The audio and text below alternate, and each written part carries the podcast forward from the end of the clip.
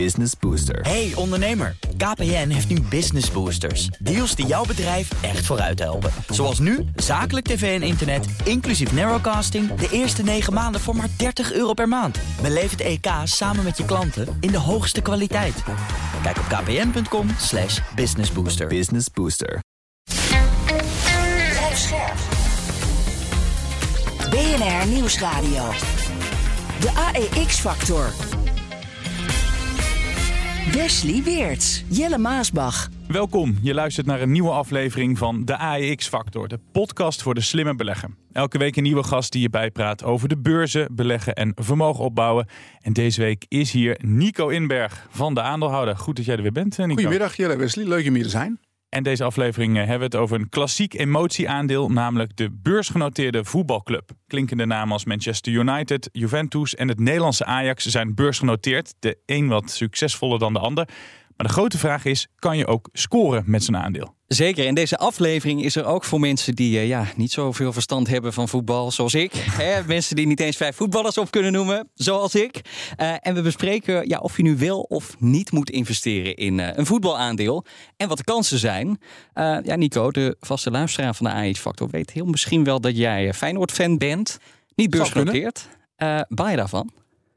Nee, nee, nou, ik, ik, uh, het leuke is, een aantal jaren geleden heb ik eens een keer een artikel geschreven over een beursgang van Feyenoord. 1 april was dat, 1 april verhaal was dat. heb ik mijn fantasie een beetje de vrije loop gelaten. Ja, jouw Ook om een beetje, gekoesterde wens. Om een beetje Ajax te pesten, weliswaar. En dan had ik gezegd dat Feyenoord dan zich wilde aansluiten bij de Engelse Premier League. Hè, omdat ze daar meer inkomsten krijgen. Maar goed, dat is nooit gebeurd. Het, er is wel heel veel potentie natuurlijk in Rotterdam. Laten we eerlijk zijn. Uh, maar uh, dat gaat niet gebeuren, denk ik voorlopig. Nee, en toch zijn er wel bedrijven die die stap naar de beurs hebben gemaakt. Waarom hebben een aantal voetbalclubs daar wel voor gekozen? Ja, je doet het primair om geld op te halen. Dus als, als een, uh, je weet, voetbalclubs hebben altijd geld nodig. Hè. Dat is, er zijn eigenlijk weinig voorbeelden van, uh, daar zullen we het zo ook over hebben. Maar uh, ja, voetbalclubs die het op de beurs hartstikke goed doen. Over een, over een langere periode. Meestal harder de heel even goed als het de successen goed zijn op het veld, dan, dan, dan doet de beurskoers ook goed. Maar uiteindelijk zie je vaak dat, uh, en dat willen de supporters ook, die willen dat het kapitaal op het veld staat. Cruijff heeft ooit gezegd van uh, een zak geld kan geen doelpunt ja. maken. Dus ja, je moet je geld investeren in spelers.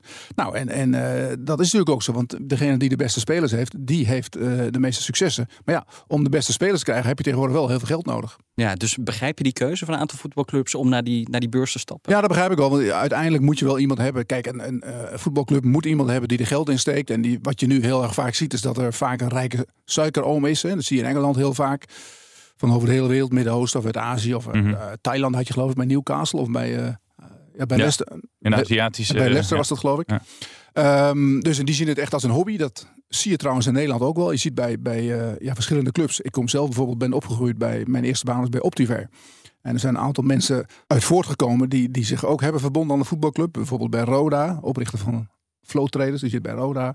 Uh, bij Utrecht zit iemand van Optiver, bij AZ zit iemand. Dus de, je ziet dat in Nederland ook wel, maar hier wordt er toch minder geld ingestoken dan bijvoorbeeld in Engeland. De echte grote jongens. Ja, straks meer over dit uh, bijzondere aandeel. En of jij tijdens de transferperiode zo'n aandeel moet scoren. Maar eerst naar een overzicht van de opvallendste beursverhalen van de afgelopen week. Elon Musk krijgt bijval van een klokkenluider. De man, de voormalig hoofd beveiliging van Twitter, zegt dat de beveiliging van het bedrijf zo lekker als een mandje is. Twitter is under fire after a new whistleblower is alleging that the social network has, quote, extreme, egregious deficiencies in its cybersecurity defense. The new complaint says Twitter is an easy target for hackers and could put users' information at risk. En dat komt uh, Musk goed uit, want hij probeert onder die overname van Twitter uit te komen. Twitter, het aandeel, kelderde met 7% na het nieuws. Miljonair Chris Omen heeft bijna 4% van de aandelen van bouwer Heijmans in bezit. Omen is de voormalig baas van zorgverzekeraar DSW. Al het geld dat hij daar verdiende ging naar het goede doel. Nou, laten we nou toch alsjeblieft blij zijn als je aan je eind van je leven kunt zeggen dat je veel meer aan premie betaald hebt dan aan zorg verbruikt hebt. Een groter geluk kun je niet hebben. Omen kocht vorig jaar persbureau ANP van John de Mol. Amazon is op overnamepad. Het wil Signify overnemen. En nee, niet het Nederlandse Signify. Sources tell the Journal today Amazon and UNH among the bidders. Paper previously had said CVS Health had been eyeing Signify. De prijzen voor stroom en gas blijven record na record breken. Na de recordstand van gisteren is de gasprijs verder gestegen. De beurs zijn zorgen over de belangrijkste gaspijpleiding van Rusland naar West-Europa, de Nord Stream 1. Die gaat volgende week dicht voor onderhoud, maar de vraag is hoeveel gas Rusland daarna nog onze kant op pompt. En Zoom was misschien het grootste coronasucces op de beurs, maar daar is weinig van over. De kwartaalomzet groeide nooit eerder zo traag als nu en toch blijven sommige beleggers erin geloven. They're now pivoting back to their roots in selling Zoom to enterprises. That actually is going fairly well, but it's a transition year that we're in this year. Eén ding hoorde je niet in het overzicht. Jackson Hole, het event voor de belangrijkste centrale bankiers van de wereld. Daar moest Fed-voorzitter Jerome Powell de markten overtuigen. Moest ze overtuigen dat hij de torenhoge inflatie kan bestrijden zonder een recessie te veroorzaken. Of dat gelukt is, dat weet jij als luisteraar inmiddels wel. Wij nog niet, want we nemen deze podcast net wat eerder op. En dan naar uh, Heijmans, de voormalig baas van zorgverzekeraar DSW. Die maakt een uitstapje naar de bouw. Chris Omen die koopt bijna 4% van de aandelen van bouwer Heijmans. Wat moet hij daarmee? Nou, ik denk dat het gewoon een investering is. Ik ken deze man trouwens goed. Hij heeft mij ooit aangenomen bij mijn eerste baan. Op die werk, daar is hij ook rijk uh, mee geworden. Ja? Hij heeft dat zelf opgericht met iemand anders. Is niet zelf handelaar geweest, maar hij heeft wel het idee gehad om een bedrijf op te zetten. En, uh, is heeft hij goed mee geboerd? Ja, heeft hij goed mee geboerd. En in zijn werkzame leven is hij altijd voorzitter geweest van DSW, hè, van de verzekeraar. Uh, Chris Oom, noem ik wel Oom Chris.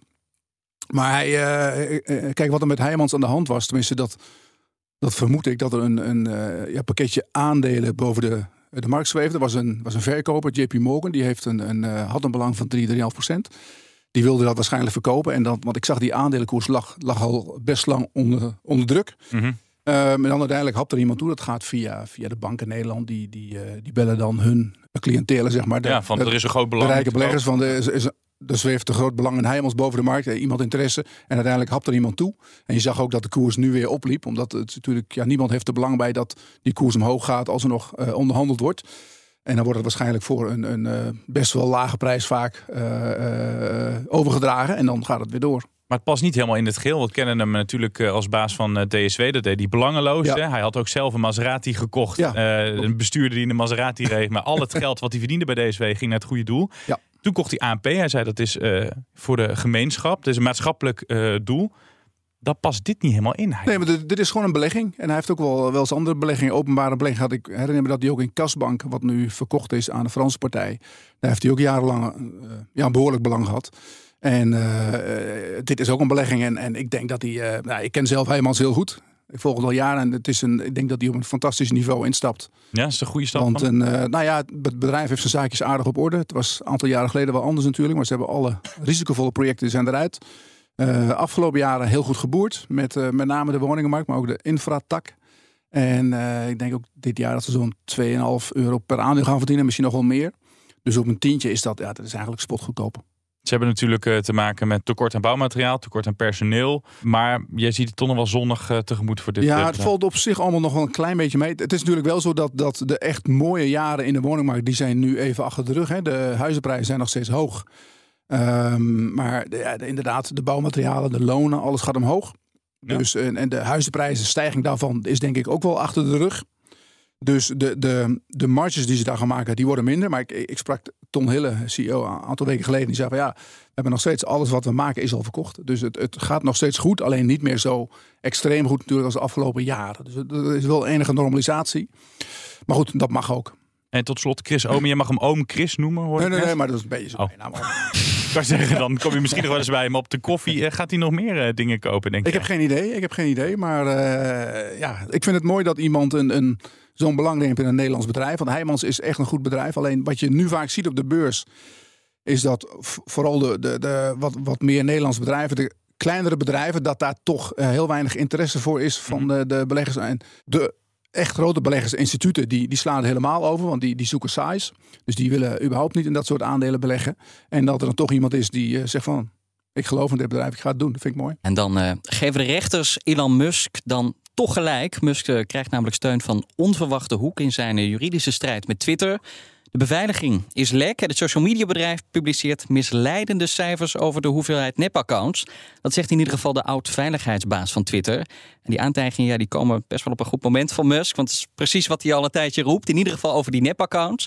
Gaat deze onthulling het verschil maken in die overname rondom Twitter, denk je, Nico?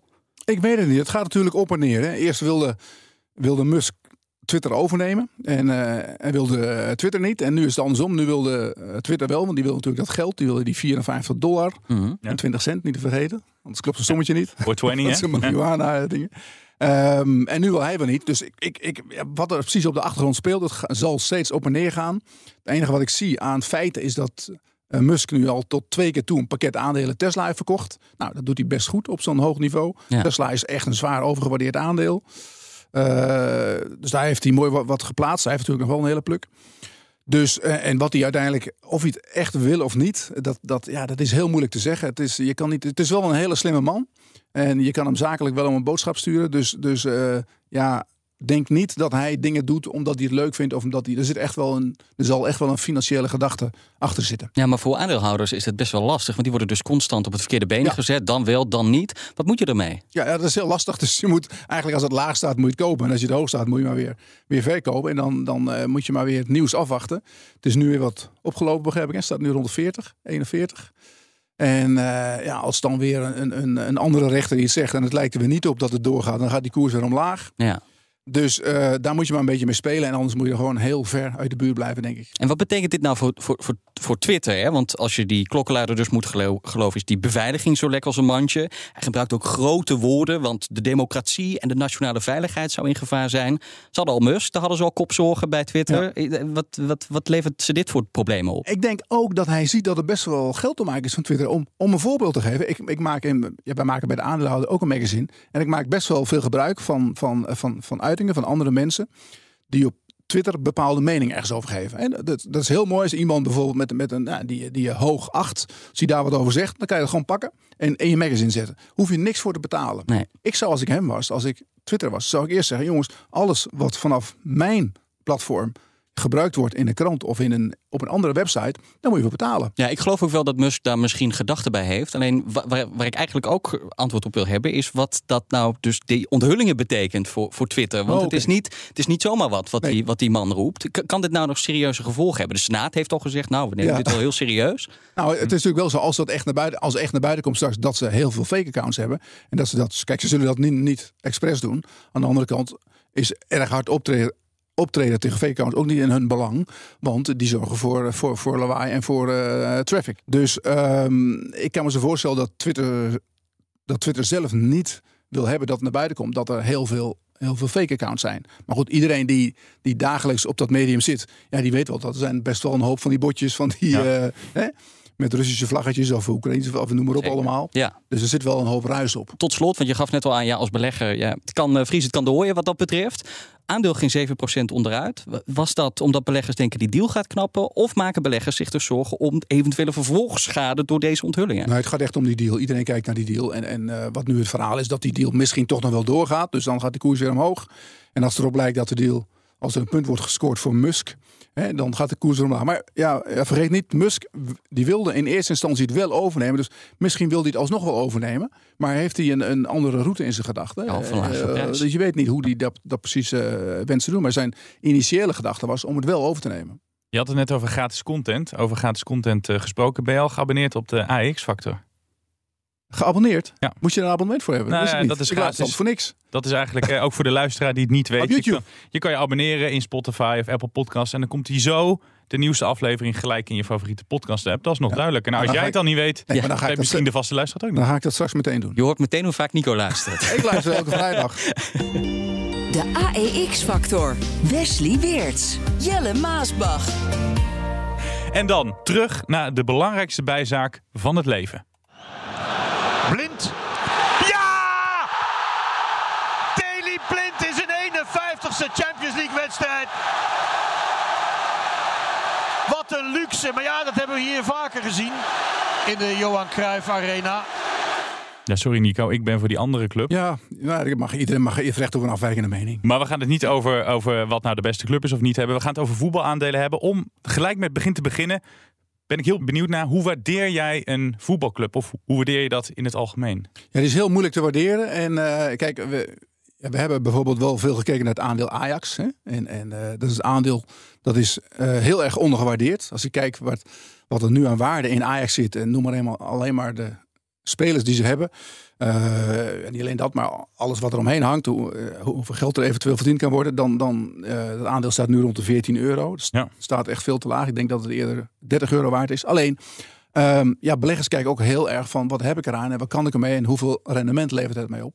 En wat je vaak ziet met voetbalaandelen is dat er um, ja, ten eerste het management is vaak, uh, ik wil niet zeggen onbetrouwbaar, maar die, die, die doen niet beslist wat de aandeelhouder wil. En dat geldt helemaal voor Ajax, omdat uh, bij Ajax is 70% van de aandelen in bezit van de ledenraad. Nou, die hebben een heel ander belang.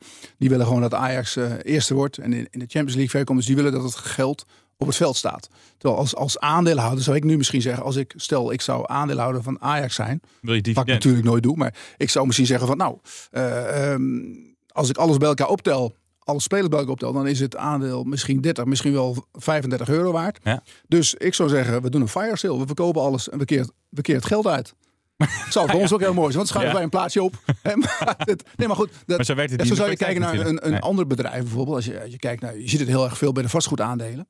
Uh, die staan ook vaak ver onder hun intrinsieke waarde. Nou, als je dan die intrinsieke waarde te gelden kan maken, dan moet je eigenlijk zeggen van jongens, we stoppen ermee. Maar- we gaan alles uitkeren. Maar dat ga je natuurlijk niet doen bij een voetbalclub. Nee, er spelen maar- andere belangen. Dus net natuurlijk als met conglomeraat. We hebben vorige week hebben we het over Philips gehad. Hè? Toen in, in onderdelen een, eh, een NXP of een ASML. Dat, Ja. Daar bleek het veel meer waard te zijn. Je hebt natuurlijk ook met een vastgoedbedrijf. Dan kan je bij wijze van spreken nog panden verkopen. Dat is in dit geval is het veel lastiger.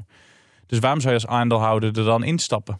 Nou ja, de- wat je heel vaak ziet is dat, dat mensen aandelen kopen van een club omdat ze er een gevoel bij hebben. Dus heel veel Ajax-supporters die willen graag wat aandelen Ajax hebben. Je zag het ten tijde van het overlijden van Cruijff, hè, dat heel veel mensen 14 aandelen kochten. Eh, zag ik toen echt op het scherm de hele tijd 14 doorkomen. Ja. Eh, dus er zit heel veel emotie in. En eh, er zit ook wel spe- speculatie in. Ik herinner mij nog de, de, ten tijde van, wanneer was het 2019, dat Ajax in de, bijna in de finale kwam. Ja, Ja, 2009. sorry dat ik een oude wond openrijd, maar Ja. tegen de Spurs in die laatste 10 seconden. Dat in, in eh, ja, die week in aanloop naar die, die halve finale. Want Ajax had de uitwedstrijd met, geloof 1-0 gewonnen. Dus het, was eigenlijk... eh, het zou heel normaal zijn als ze de, in de finale waren gekomen. En dan krijg je echt heel veel geld binnen. Ehm, dus toen, toen liep dat aandeel heel erg op. Toen zag je ook weer dat, dat eh, ja, meteen na die wedstrijd aandeel behoorlijk in elkaar ging. Het stond toen rond de 25 euro. En nu, nu staan we rond de 14. Dus het, het, het eh, ja, sentiment gaat er ook heel snel weer uit. Ja, en het heeft dus echt te maken met winst, als ik jou zo hoor. En geldt het altijd zo dat winst op het veld is winst op de beurs? Ja, dat is wel vaak zo. Wat je vaak ziet is dat, nou ja, winst op het veld of aanstaande winst op het veld triggert beleggers om in zo'n aandeel te stappen. Want ja, ze denken dan van, oh, als Ajax de Champions League wint, dan krijgen ze ja, zoveel miljoenen extra. En eh, ze krijgen overal contracten, eh, reclamecontracten gaan Spelers allemaal worden meer waard, ja. Spelers worden meer waard, die worden allemaal eh, verkocht straks voor heel veel geld. En, en dan, dan, dan komt de fantasie in het aandeel. En eh, als het dan misgaat, is het omgekeerde. Klinkt ook als mega risicovol, zo'n belegging. Ja, risicovol. Je moet natuurlijk wel in, in de gaten houden dat als, als je zo'n aandeel koopt, hè, dat je dat ook een beetje doet om, eh, om, om, om eh, te speculeren. Dat moet je natuurlijk niet doen met al je geld. En heel veel mensen doen het ook met kleine aantallen. En die willen gewoon meeliften op het aanstaande succes. En je wordt, ja, voorafgaand aan zo'n wedstrijd, worden mensen ook een beetje van, ja, die zijn er heel erg mee bezig. En die denken van, oh, die gaan helemaal fantaseren van als het lukt, dan gaat dit gebeuren, dat gebeuren. En, en eh, na afloop van zo'n wedstrijd is vaak een, eh, de realiteit die weer toeslaat. Ja, En dan willen mensen weer eruit. Ja, wat dan wel weer gek is, eh, en tegen het principe in van wat je net vertelt, Manchester United doet het op het veld beroerd. Maar is de afgelopen maand wel 20% gestegen. Hoe kan dat dan? Heeft er ook mee te maken dat, dat er nu wordt gesproken over een verkoop van Manchester United. Want er is, voor mij hebben die Amerikaanse broers, de Glazers, Ja. die eh, schijnen eh, ja, open te staan voor een verkoop. Ik weet niet wat hun, hun exacte belang precies is in Manchester United. Maar eh, het zou kunnen dat als er een, een, een, een nieuwe eigenaar komt met echt heel veel geld, dat die zegt, nou, ik wil alle aandelen hebben. En dat heeft een beetje de fantasie getriggerd. En ondanks dat het op het veld niet helemaal lukte met, met Ronaldo. Ik vond het wel mooi dat die Ronaldo liet invallen in de 88e minuut. Ja, even, Dat was wel karakter. Even laten zien wie de baas is. Maar, eigenlijk zeggen we dus constant, ja, die prestaties op het veld, daar hangt eigenlijk die beurskoers aan, aan vast. Maar financiële gezondheid van zo'n bedrijf, doet dat er dan helemaal niet toe? Kijken die beleggers daar helemaal niet naar? Nou, dat doet er eigenlijk heel erg toe. Alleen wat je vaak ziet bij die voetbalclubs is dat als het misgaat, raken ze in paniek. En uh, er zit echt heel veel emotie achter zo'n aandeel. Kijk, als het met een aandeel misgaat, beleggers die, die, die gooit dan gewoon eruit. En die kunnen één keer per jaar naar een aandeelhoudersvergadering en dan kunnen ze, kunnen ze wat zeggen. Ja. Maar als het met een voetbalclub misgaat, dan gaan de supporters die gaan de straat op en die gaan eventueel zelfs naar een huis toe van, van de de bestuursvoorzitter. En da daar spelen heel andere eh, sentimenten mee. Maar je hebt dus eigenlijk een heel stevig management ook nodig om niet te bezwijken onder die druk van die supporters. Want die heb je ook nog eens een keer die uh, denken mee te ja. bepalen. Ja, maar dat is het rare, want de, de resultaten zijn vaak afhankelijk. Hè? Ja, niet op langere termijn, maar helemaal op, ik denk wel op korte termijn van of een balletje aan de binnenkant, uh, de binnenkant of de buitenkant van de paal valt. En uh, je weet, uh, ja, Robbie ik nog met 78. Nou, als die erin had gezeten, die bal, dan was er wel heel iets anders gebeurd. Maar goed, dus en daar zijn ze wel in een bepaalde mate van afhankelijk. En als het dan misgaat, ja, dan zie je dat iedereen in opstand komt. De, supporters die willen ons eerst ontslag van de trainer, andere spelers. Dan moet er geld geïnvesteerd worden om de club er weer bovenop te helpen. Eh, wat je ziet is dat ze iedere keer weer een nieuwe suikeroom zoeken. Je zag dat in Nederland heel erg bijvoorbeeld bij FC Utrecht met die van Seumeren hè, eh, van uh, Mammoet. Die heeft daar ontzettend veel geld in gestoken en het, ja, het is nog steeds niks. Dus met alle respect voor Utrecht. Maar dat, dat, dat, op langere termijn is het hartstikke moeilijk. Die voetbalwereld die wordt wel ook steeds professioneler. Hè? We hebben volgens mij voetballen we al 150 jaar of zo hier in Europa. Maar de afgelopen 20 jaar zie je echt dat, die, ja, die, dat voetballen dat wordt steeds, ja, steeds, steeds meer echt een bedrijf. Zo'n zo'n voetbalclub. Wordt daarmee die emotie ook minder belangrijk? Of, of zie je die verschuiving nog niet echt bij beleggers en zitten zij vooral te kijken of er goed gespeeld wordt op dat veld? Uh, als je bijvoorbeeld kijkt in Amerika met die, die professionele basketbalclubs, die kunnen dus gewoon met een, een licentie pakken en dan gaan ze naar een andere stad. Dat zou in Europa bijvoorbeeld niet kunnen. Nee. Uh, je, je, kan je niet voorstellen dat iemand straks Ajax overneemt en dan in Almere gaat spelen of zo. Nou ja, Almere zou dat kunnen, maar ja, dat is, niet in Groningen. Maar dat gebeurt in Amerika wel. Je, je ziet wel dat qua inkomsten de clubs wel steeds minder afhankelijk worden van de fans, van de supporters. Als ik kijk nu in, in, in Engeland bijvoorbeeld, dat opgezocht vandaag, dan uh, zie je dat ongeveer de helft van de inkomsten van die clubs, die komt inmiddels uit tv-rechten. En dat zijn, in Engeland is dat echt verschrikkelijk. Uh, om je een idee te geven, de, de nummer laatste in Engeland, de nummer 20, die, die, krijgt, die krijgt 100 miljoen per jaar. Iets meer dan zelfs, want het, is, het zijn Engelse ponden. Terwijl Ajax die krijgt 9 miljoen tv-rechten. In Engeland krijgen ze totaal anderhalf miljard vanuit Engeland. En ze krijgen ook nog eens 1,3 miljard vanuit de rest van de wereld. Dus ja, en, en dat, dat, dat uh, zorgt ervoor dat de begrotingen van die clubs die zijn enorm opgeblazen. Het belang van de, de, de recettes, hè, van de inkomsten van de thuiswedstrijden, wordt natuurlijk minder. Uh, dan hebben ze ook nog een stukje merchandising, met name de, de grotere clubs. Manchester United, Liverpool zijn in Azië heel groot. Daar verkopen ze heel veel t-shirts voor hoofdprijs. Die worden daar ook wel gemaakt natuurlijk voor, uh, voor een dubbeltje. Maar die verkopen ze wereldwijd voor 100 euro. En uh, ja, daar komen de inkomsten beter vandaan. Maar dus steeds minder van de echte diehard fans. Ja, maar de, ik, ik vraag het dus ook. Omdat je in die zin dus ook dan minder de oren hoeft te laten hangen naar die supporters. Als je je voetbalclub veel meer als, als bedrijf zou zien. Um, want dat betekent dat je veel meer andere inkomsten hebt die minder afhankelijk zijn van je prestaties. Nou, dat willen ze eigenlijk ook wel, die clubs. Maar ze durven dat nog niet. Hè? Want je hebt, wanneer was het, Jelle, denk een jaar geleden, dat ze die Super League wilden oprichten? Ja, vorig jaar vorig jaar. Nou, er waren een aantal, uh, eigenlijk, je, je, je, kan wel uitdenken welke clubs dat zijn. Dat zijn de, de grotere clubs, die willen eigenlijk een, een soort Champions League voor henzelf. Waar ze niet uit kunnen vallen, zodat ze elk jaar het recht hebben om deel te nemen. En dus zekerheid hebben wat betreft die enorme inkomsten. Daar is die woede bij de achterban van uh, Manchester Met United ook ontstaan. Ja. ja. Terwijl in, in Spanje, daar viel het allemaal wel mee. En uh, ik geloof dat nog steeds zijn, zijn Juventus en Real, die zijn er nog mee bezig om dat eventueel uit te zoeken. Maar wat Wesley terecht zei, er gaan enorme bedragen gaan, gaan daar dus om in het voetbal. Er is maar één club in Europa met een waardering van 1 miljard. Dat is weer dat Manchester United. Hoe, hoe kan het dat de rest daar maar niet bij in de buurt uh, kan komen? Nou, ik denk dat dat te maken heeft met de status van Manchester United, met name in Azië en in uh, China. Het is, het is, ik denk toch wel uh, wereldwijd de populairste club. Hè? het is niet. ik heb nu even. Ik, ik, had een, ik had een rijtje met, met rijkste clubs. er staat nu op één Manchester City. Staat op één. Real op 2 en uh, Bayern op 3. Manchester is pas vijfde nu. Als we kijken naar de financiën, want dat is wel altijd wat ik van analisten heb geleerd. Dat ze een bedrijf echt willen doorgronden. Net wat je net bijvoorbeeld zei met, met, met Heijmans is ondergewaardeerd.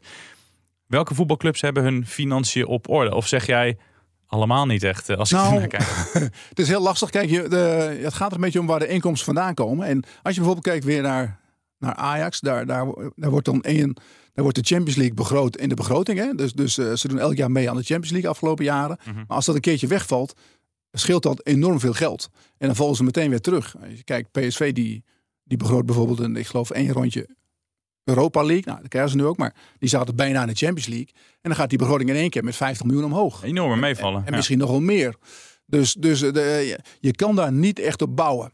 En dat geldt niet alleen voor die grote clubs, dat geldt natuurlijk ook voor de kleinere clubs, voor de, de provincieclubs. Hè. Als die degraderen uit de, de Eredivisie, uit de, de hoogste, hoogste league, dan gaan ze meteen terug in inkomsten. Uh, ze zullen dan de spelersalarissen moeten aanpassen. Dus je, moet, moet heel ja, flexibel daarin zijn. Want je bent afhankelijk van de prestaties op het veld. Dat is ook de reden dat ze meteen in paniek raken als ze in het rechte rijtje staan. Ja, maar welke, welke clubs, want er zijn een aantal beursgenoteerd. Welke van die clubs vind jij... Uh, die staat er goed voor. Ajax doet het bijvoorbeeld volgens Ajax mij. Ajax staat er heel goed voor. En uh, wat ze bij Ajax natuurlijk heel goed doen, is dat, dat, dat ze uh, hun spelers elk jaar weer dat ze er is ook wel wat inflatie natuurlijk met die, die spelersbedragen. Maar dat ze elk jaar weer erin slagen om voor heel veel geld de duurste spelers te verkopen. Hm. Er zijn heel veel van die clubs die hebben een aantal jaren opgestaan. En dan worden ze weer afgehaald door een nieuwe eigenaar. Een, een nieuwe suikeroom die denkt van hé, hey, ik wil het, ik ga het, die club overnemen en ik haal het aandeel van de beurs. Nou, dat zou met Ajax ook kunnen gebeuren. Die beursnotering voegt helemaal niks toe. Het voegt echt niks toe, want niemand kan er wat mee. Het aandeel is ook behoorlijk ondergewaardeerd. Dus ik denk als Ajax straks uh, nog een keer een klappertje maken voor Anthony en weet ik veel, nog een andere speler. En er komt echt heel veel geld binnen. Um, dat ze dan een bod zouden kunnen doen van 20 euro, 25 euro. En dan kan het aandeel van de beurs. En dan hebben ze daar geen last meer van. Ja, en voor de duidelijkheid, dan is het dus goed nieuws. Omdat je een hogere prijs krijgt dan de huidige ja. beurswaarde. Ja. En die kans die bestaat dus in redelijk afzienbare nou ja, dat zou kunnen. Om, omdat ook zo'n voetbalclub heeft eigenlijk helemaal geen... Kijk, die voetbalclubs hebben er best last van. Uh, als je weer naar Ajax kijkt, naar het hele gedoe met Overmars de, destijds.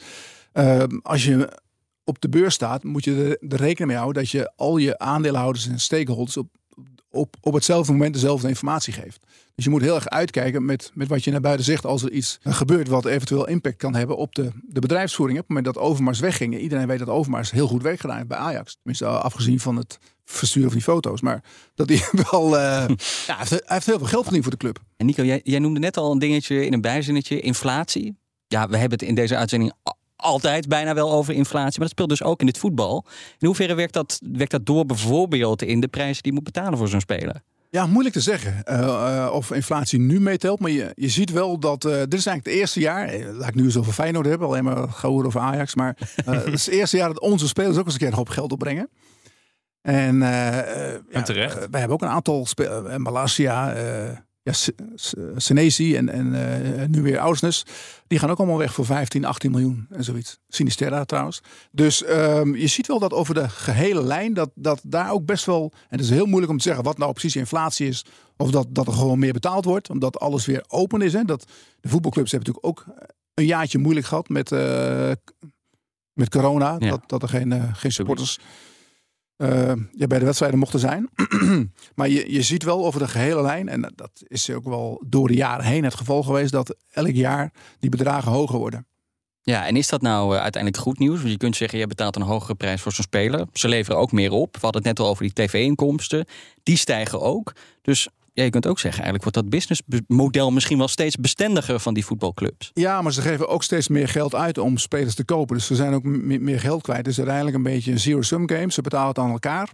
en ze moeten wel iedere keer geld lenen. Kijk, die spelers gaan er niet beter van voetballen. Daar geloof ik niks van. Dus het niveau, ja, die, die af hoger wordt. Maar die moet wel zeggen dat de spelers nu, de topspelers nu echt wel, uh, denk een stukje beter zijn dan de, de topspelers 25 jaar geleden. Dat, dat ze gewoon intensiever trainen en, en uh, dat daar meer aandacht aan wordt besteed. Maar in principe is het, ja, het geld blijft een beetje rondgaan. Ja. En er wordt natuurlijk heel veel gelekt aan bijvoorbeeld spelersmakelaars en, en uh, weet ik wat allemaal advocaten.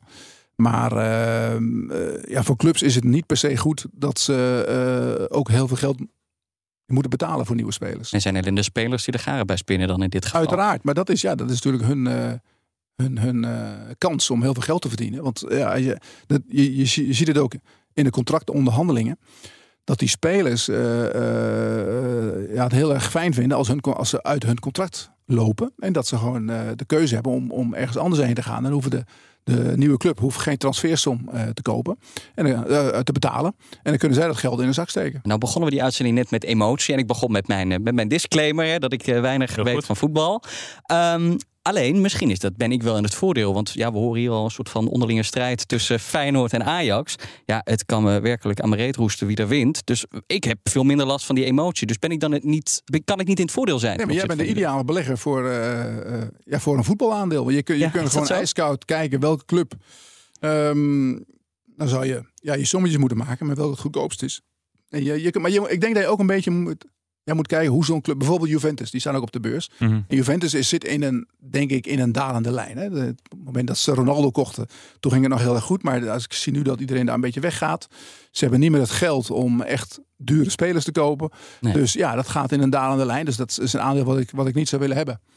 En uh, nou, misschien Manchester United is ook best een lastig verhaal, omdat ze dreigen ook uit die top 5 in Engeland te vallen. Als je bij de eerste vier zit, heb je Champions League, maar nummer 5 en 6, ja, dat wordt toch lastig. Ja komen ze in de Europa League, maar daar gaat het om heel andere bedragen. Dus je moet eigenlijk een, een, klein beetje kijken welke clubs in opkomst zijn, waar het goed gaat, waar ze uh, nog de goede spelers aan kunnen trekken en die dan uh, op het veld ook succesvol kunnen. Maar dan moet Wesley dus wel goed zijn huiswerk doen. Ja, want, want, hij weet helemaal niks. Hij weet niet of de lucht of zand in een nee. bal zit. Nee, want ik heb, dus niet die, die, nee, ik heb dus niet die, die emotie, maar ik heb ook niet die kennis. Dus ja, misschien ben ik helemaal niet zo'n ideale voetbalbelegger. Ik helemaal niks doen.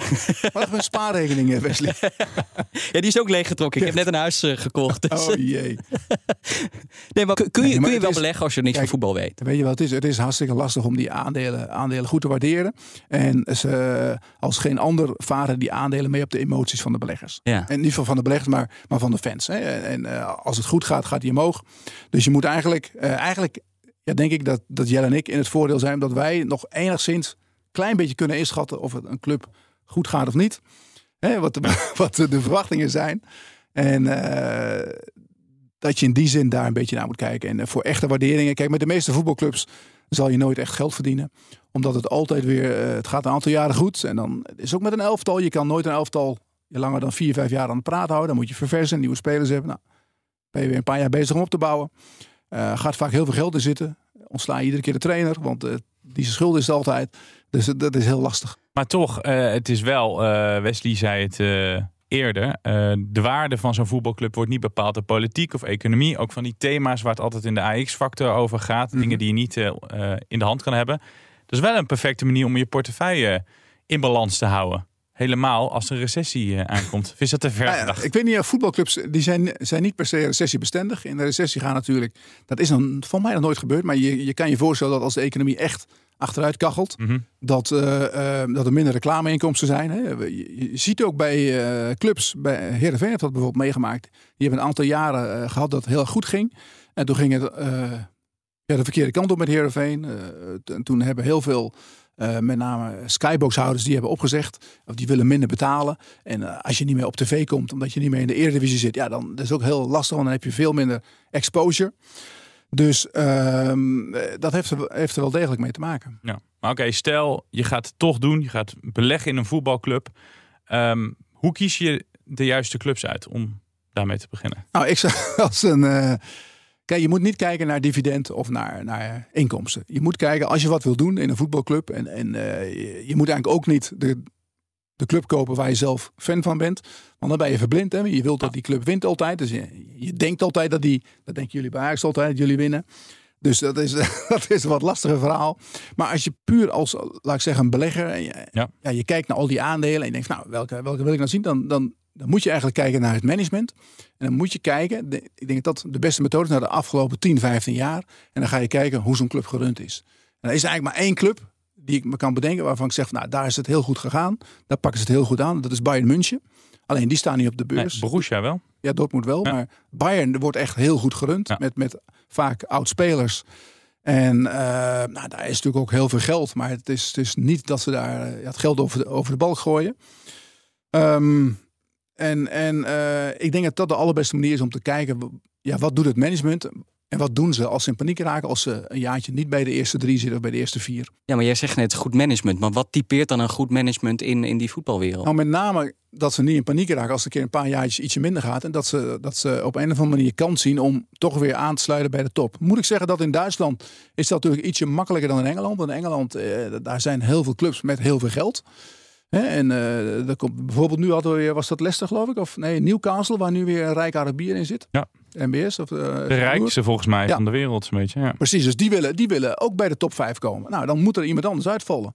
En je kunt niet krijgen dat straks zeven clubs uit Engeland aan de, de Champions League mee mogen doen. Dat is misschien altijd het grootste risico. Dat de buurman eh, wordt opgekocht door Ja. een oliesjeik. En dat jouw clubje in één keer veel minder... eh, Maar dat, dat risico is, is er in Duitsland natuurlijk eh, Minder? Ja, een stuk minder. Omdat Duitse clubs mogen per definitie niet, niet voor meer dan de helft in de handen vallen van een buitenlander. Of van, van een andere, van, van een buitenlandse partij geloof ik. Maar in Engeland is dat risico er wel. En dat maakt het voor Manchester United ook heel, heel eh, eh, ja, lastig om als er niet een echte hele rijke suikeroom op staat, om weer aan te sluiten bij die top. Maar kun je, want ik, ik gaf net een voorzetje om even in voetbaltermen te Ja. blijven. eh, Eerder deze uitzendingen. Ja, eh, dat is goed. Over eh, dat je dus je voetbalclub meer als bedrijf moet, moet runnen. Daar hoort ook bij dat je jezelf minder afhankelijk maakt dus van je prestaties. En ik zat ook te denken, heel veel stadions bijvoorbeeld, die zijn helemaal niet in handen van, van voetbalclubs. Nee. Dus als je nou zegt, nou, ik word daar als voetbalclub eigenaar van. Ik ga daar allerlei evenementen. Hier in de arena heb je heel vaak toppers bijvoorbeeld. Dat is in de arena toch? Ja, maar dat zouden ze moeten verbieden. nou, maar goed, daar kun je wel.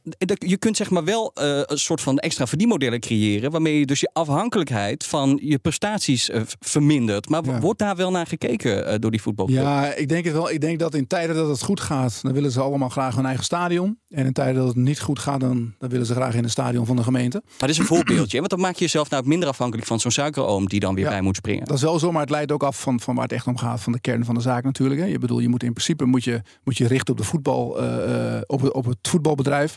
En als je ook concerten gaat organiseren, ja, dat is een hele andere tak van sport. Er zijn natuurlijk heel veel bedrijven die, kijk, als het even economisch minder gaat, dan ligt dat niet in puin, wil ik zeggen. Nee, Gewoon nee, andere beursgenoteerde bedrijven. maar Dat, is bij voetbal wel. Maar dat is ook wel wat er gebeurt. Hè? De, die, die, eh, ja, de voetbalclubs die proberen natuurlijk hun inkomsten een beetje te spreiden. Door, door, en dat is al heel erg gebeurd. Omdat ze vroeger waren ze alleen maar waren echt afhankelijk van de inkomsten in het stadion. Dus echt van de supporters, van de seizoenkaarten. En ja, probeer je zoveel mogelijk seizoenkaarten te verkopen. Dat gebeurt in Nederland eigenlijk nog steeds. Maar je ziet al dat in, in de grotere competities, dat eh, eh, bijvoorbeeld in Engeland, dat gewoon 50% van de inkomsten, dat komt van de tv-recht. Nou, die wordt met z'n allen verdeeld.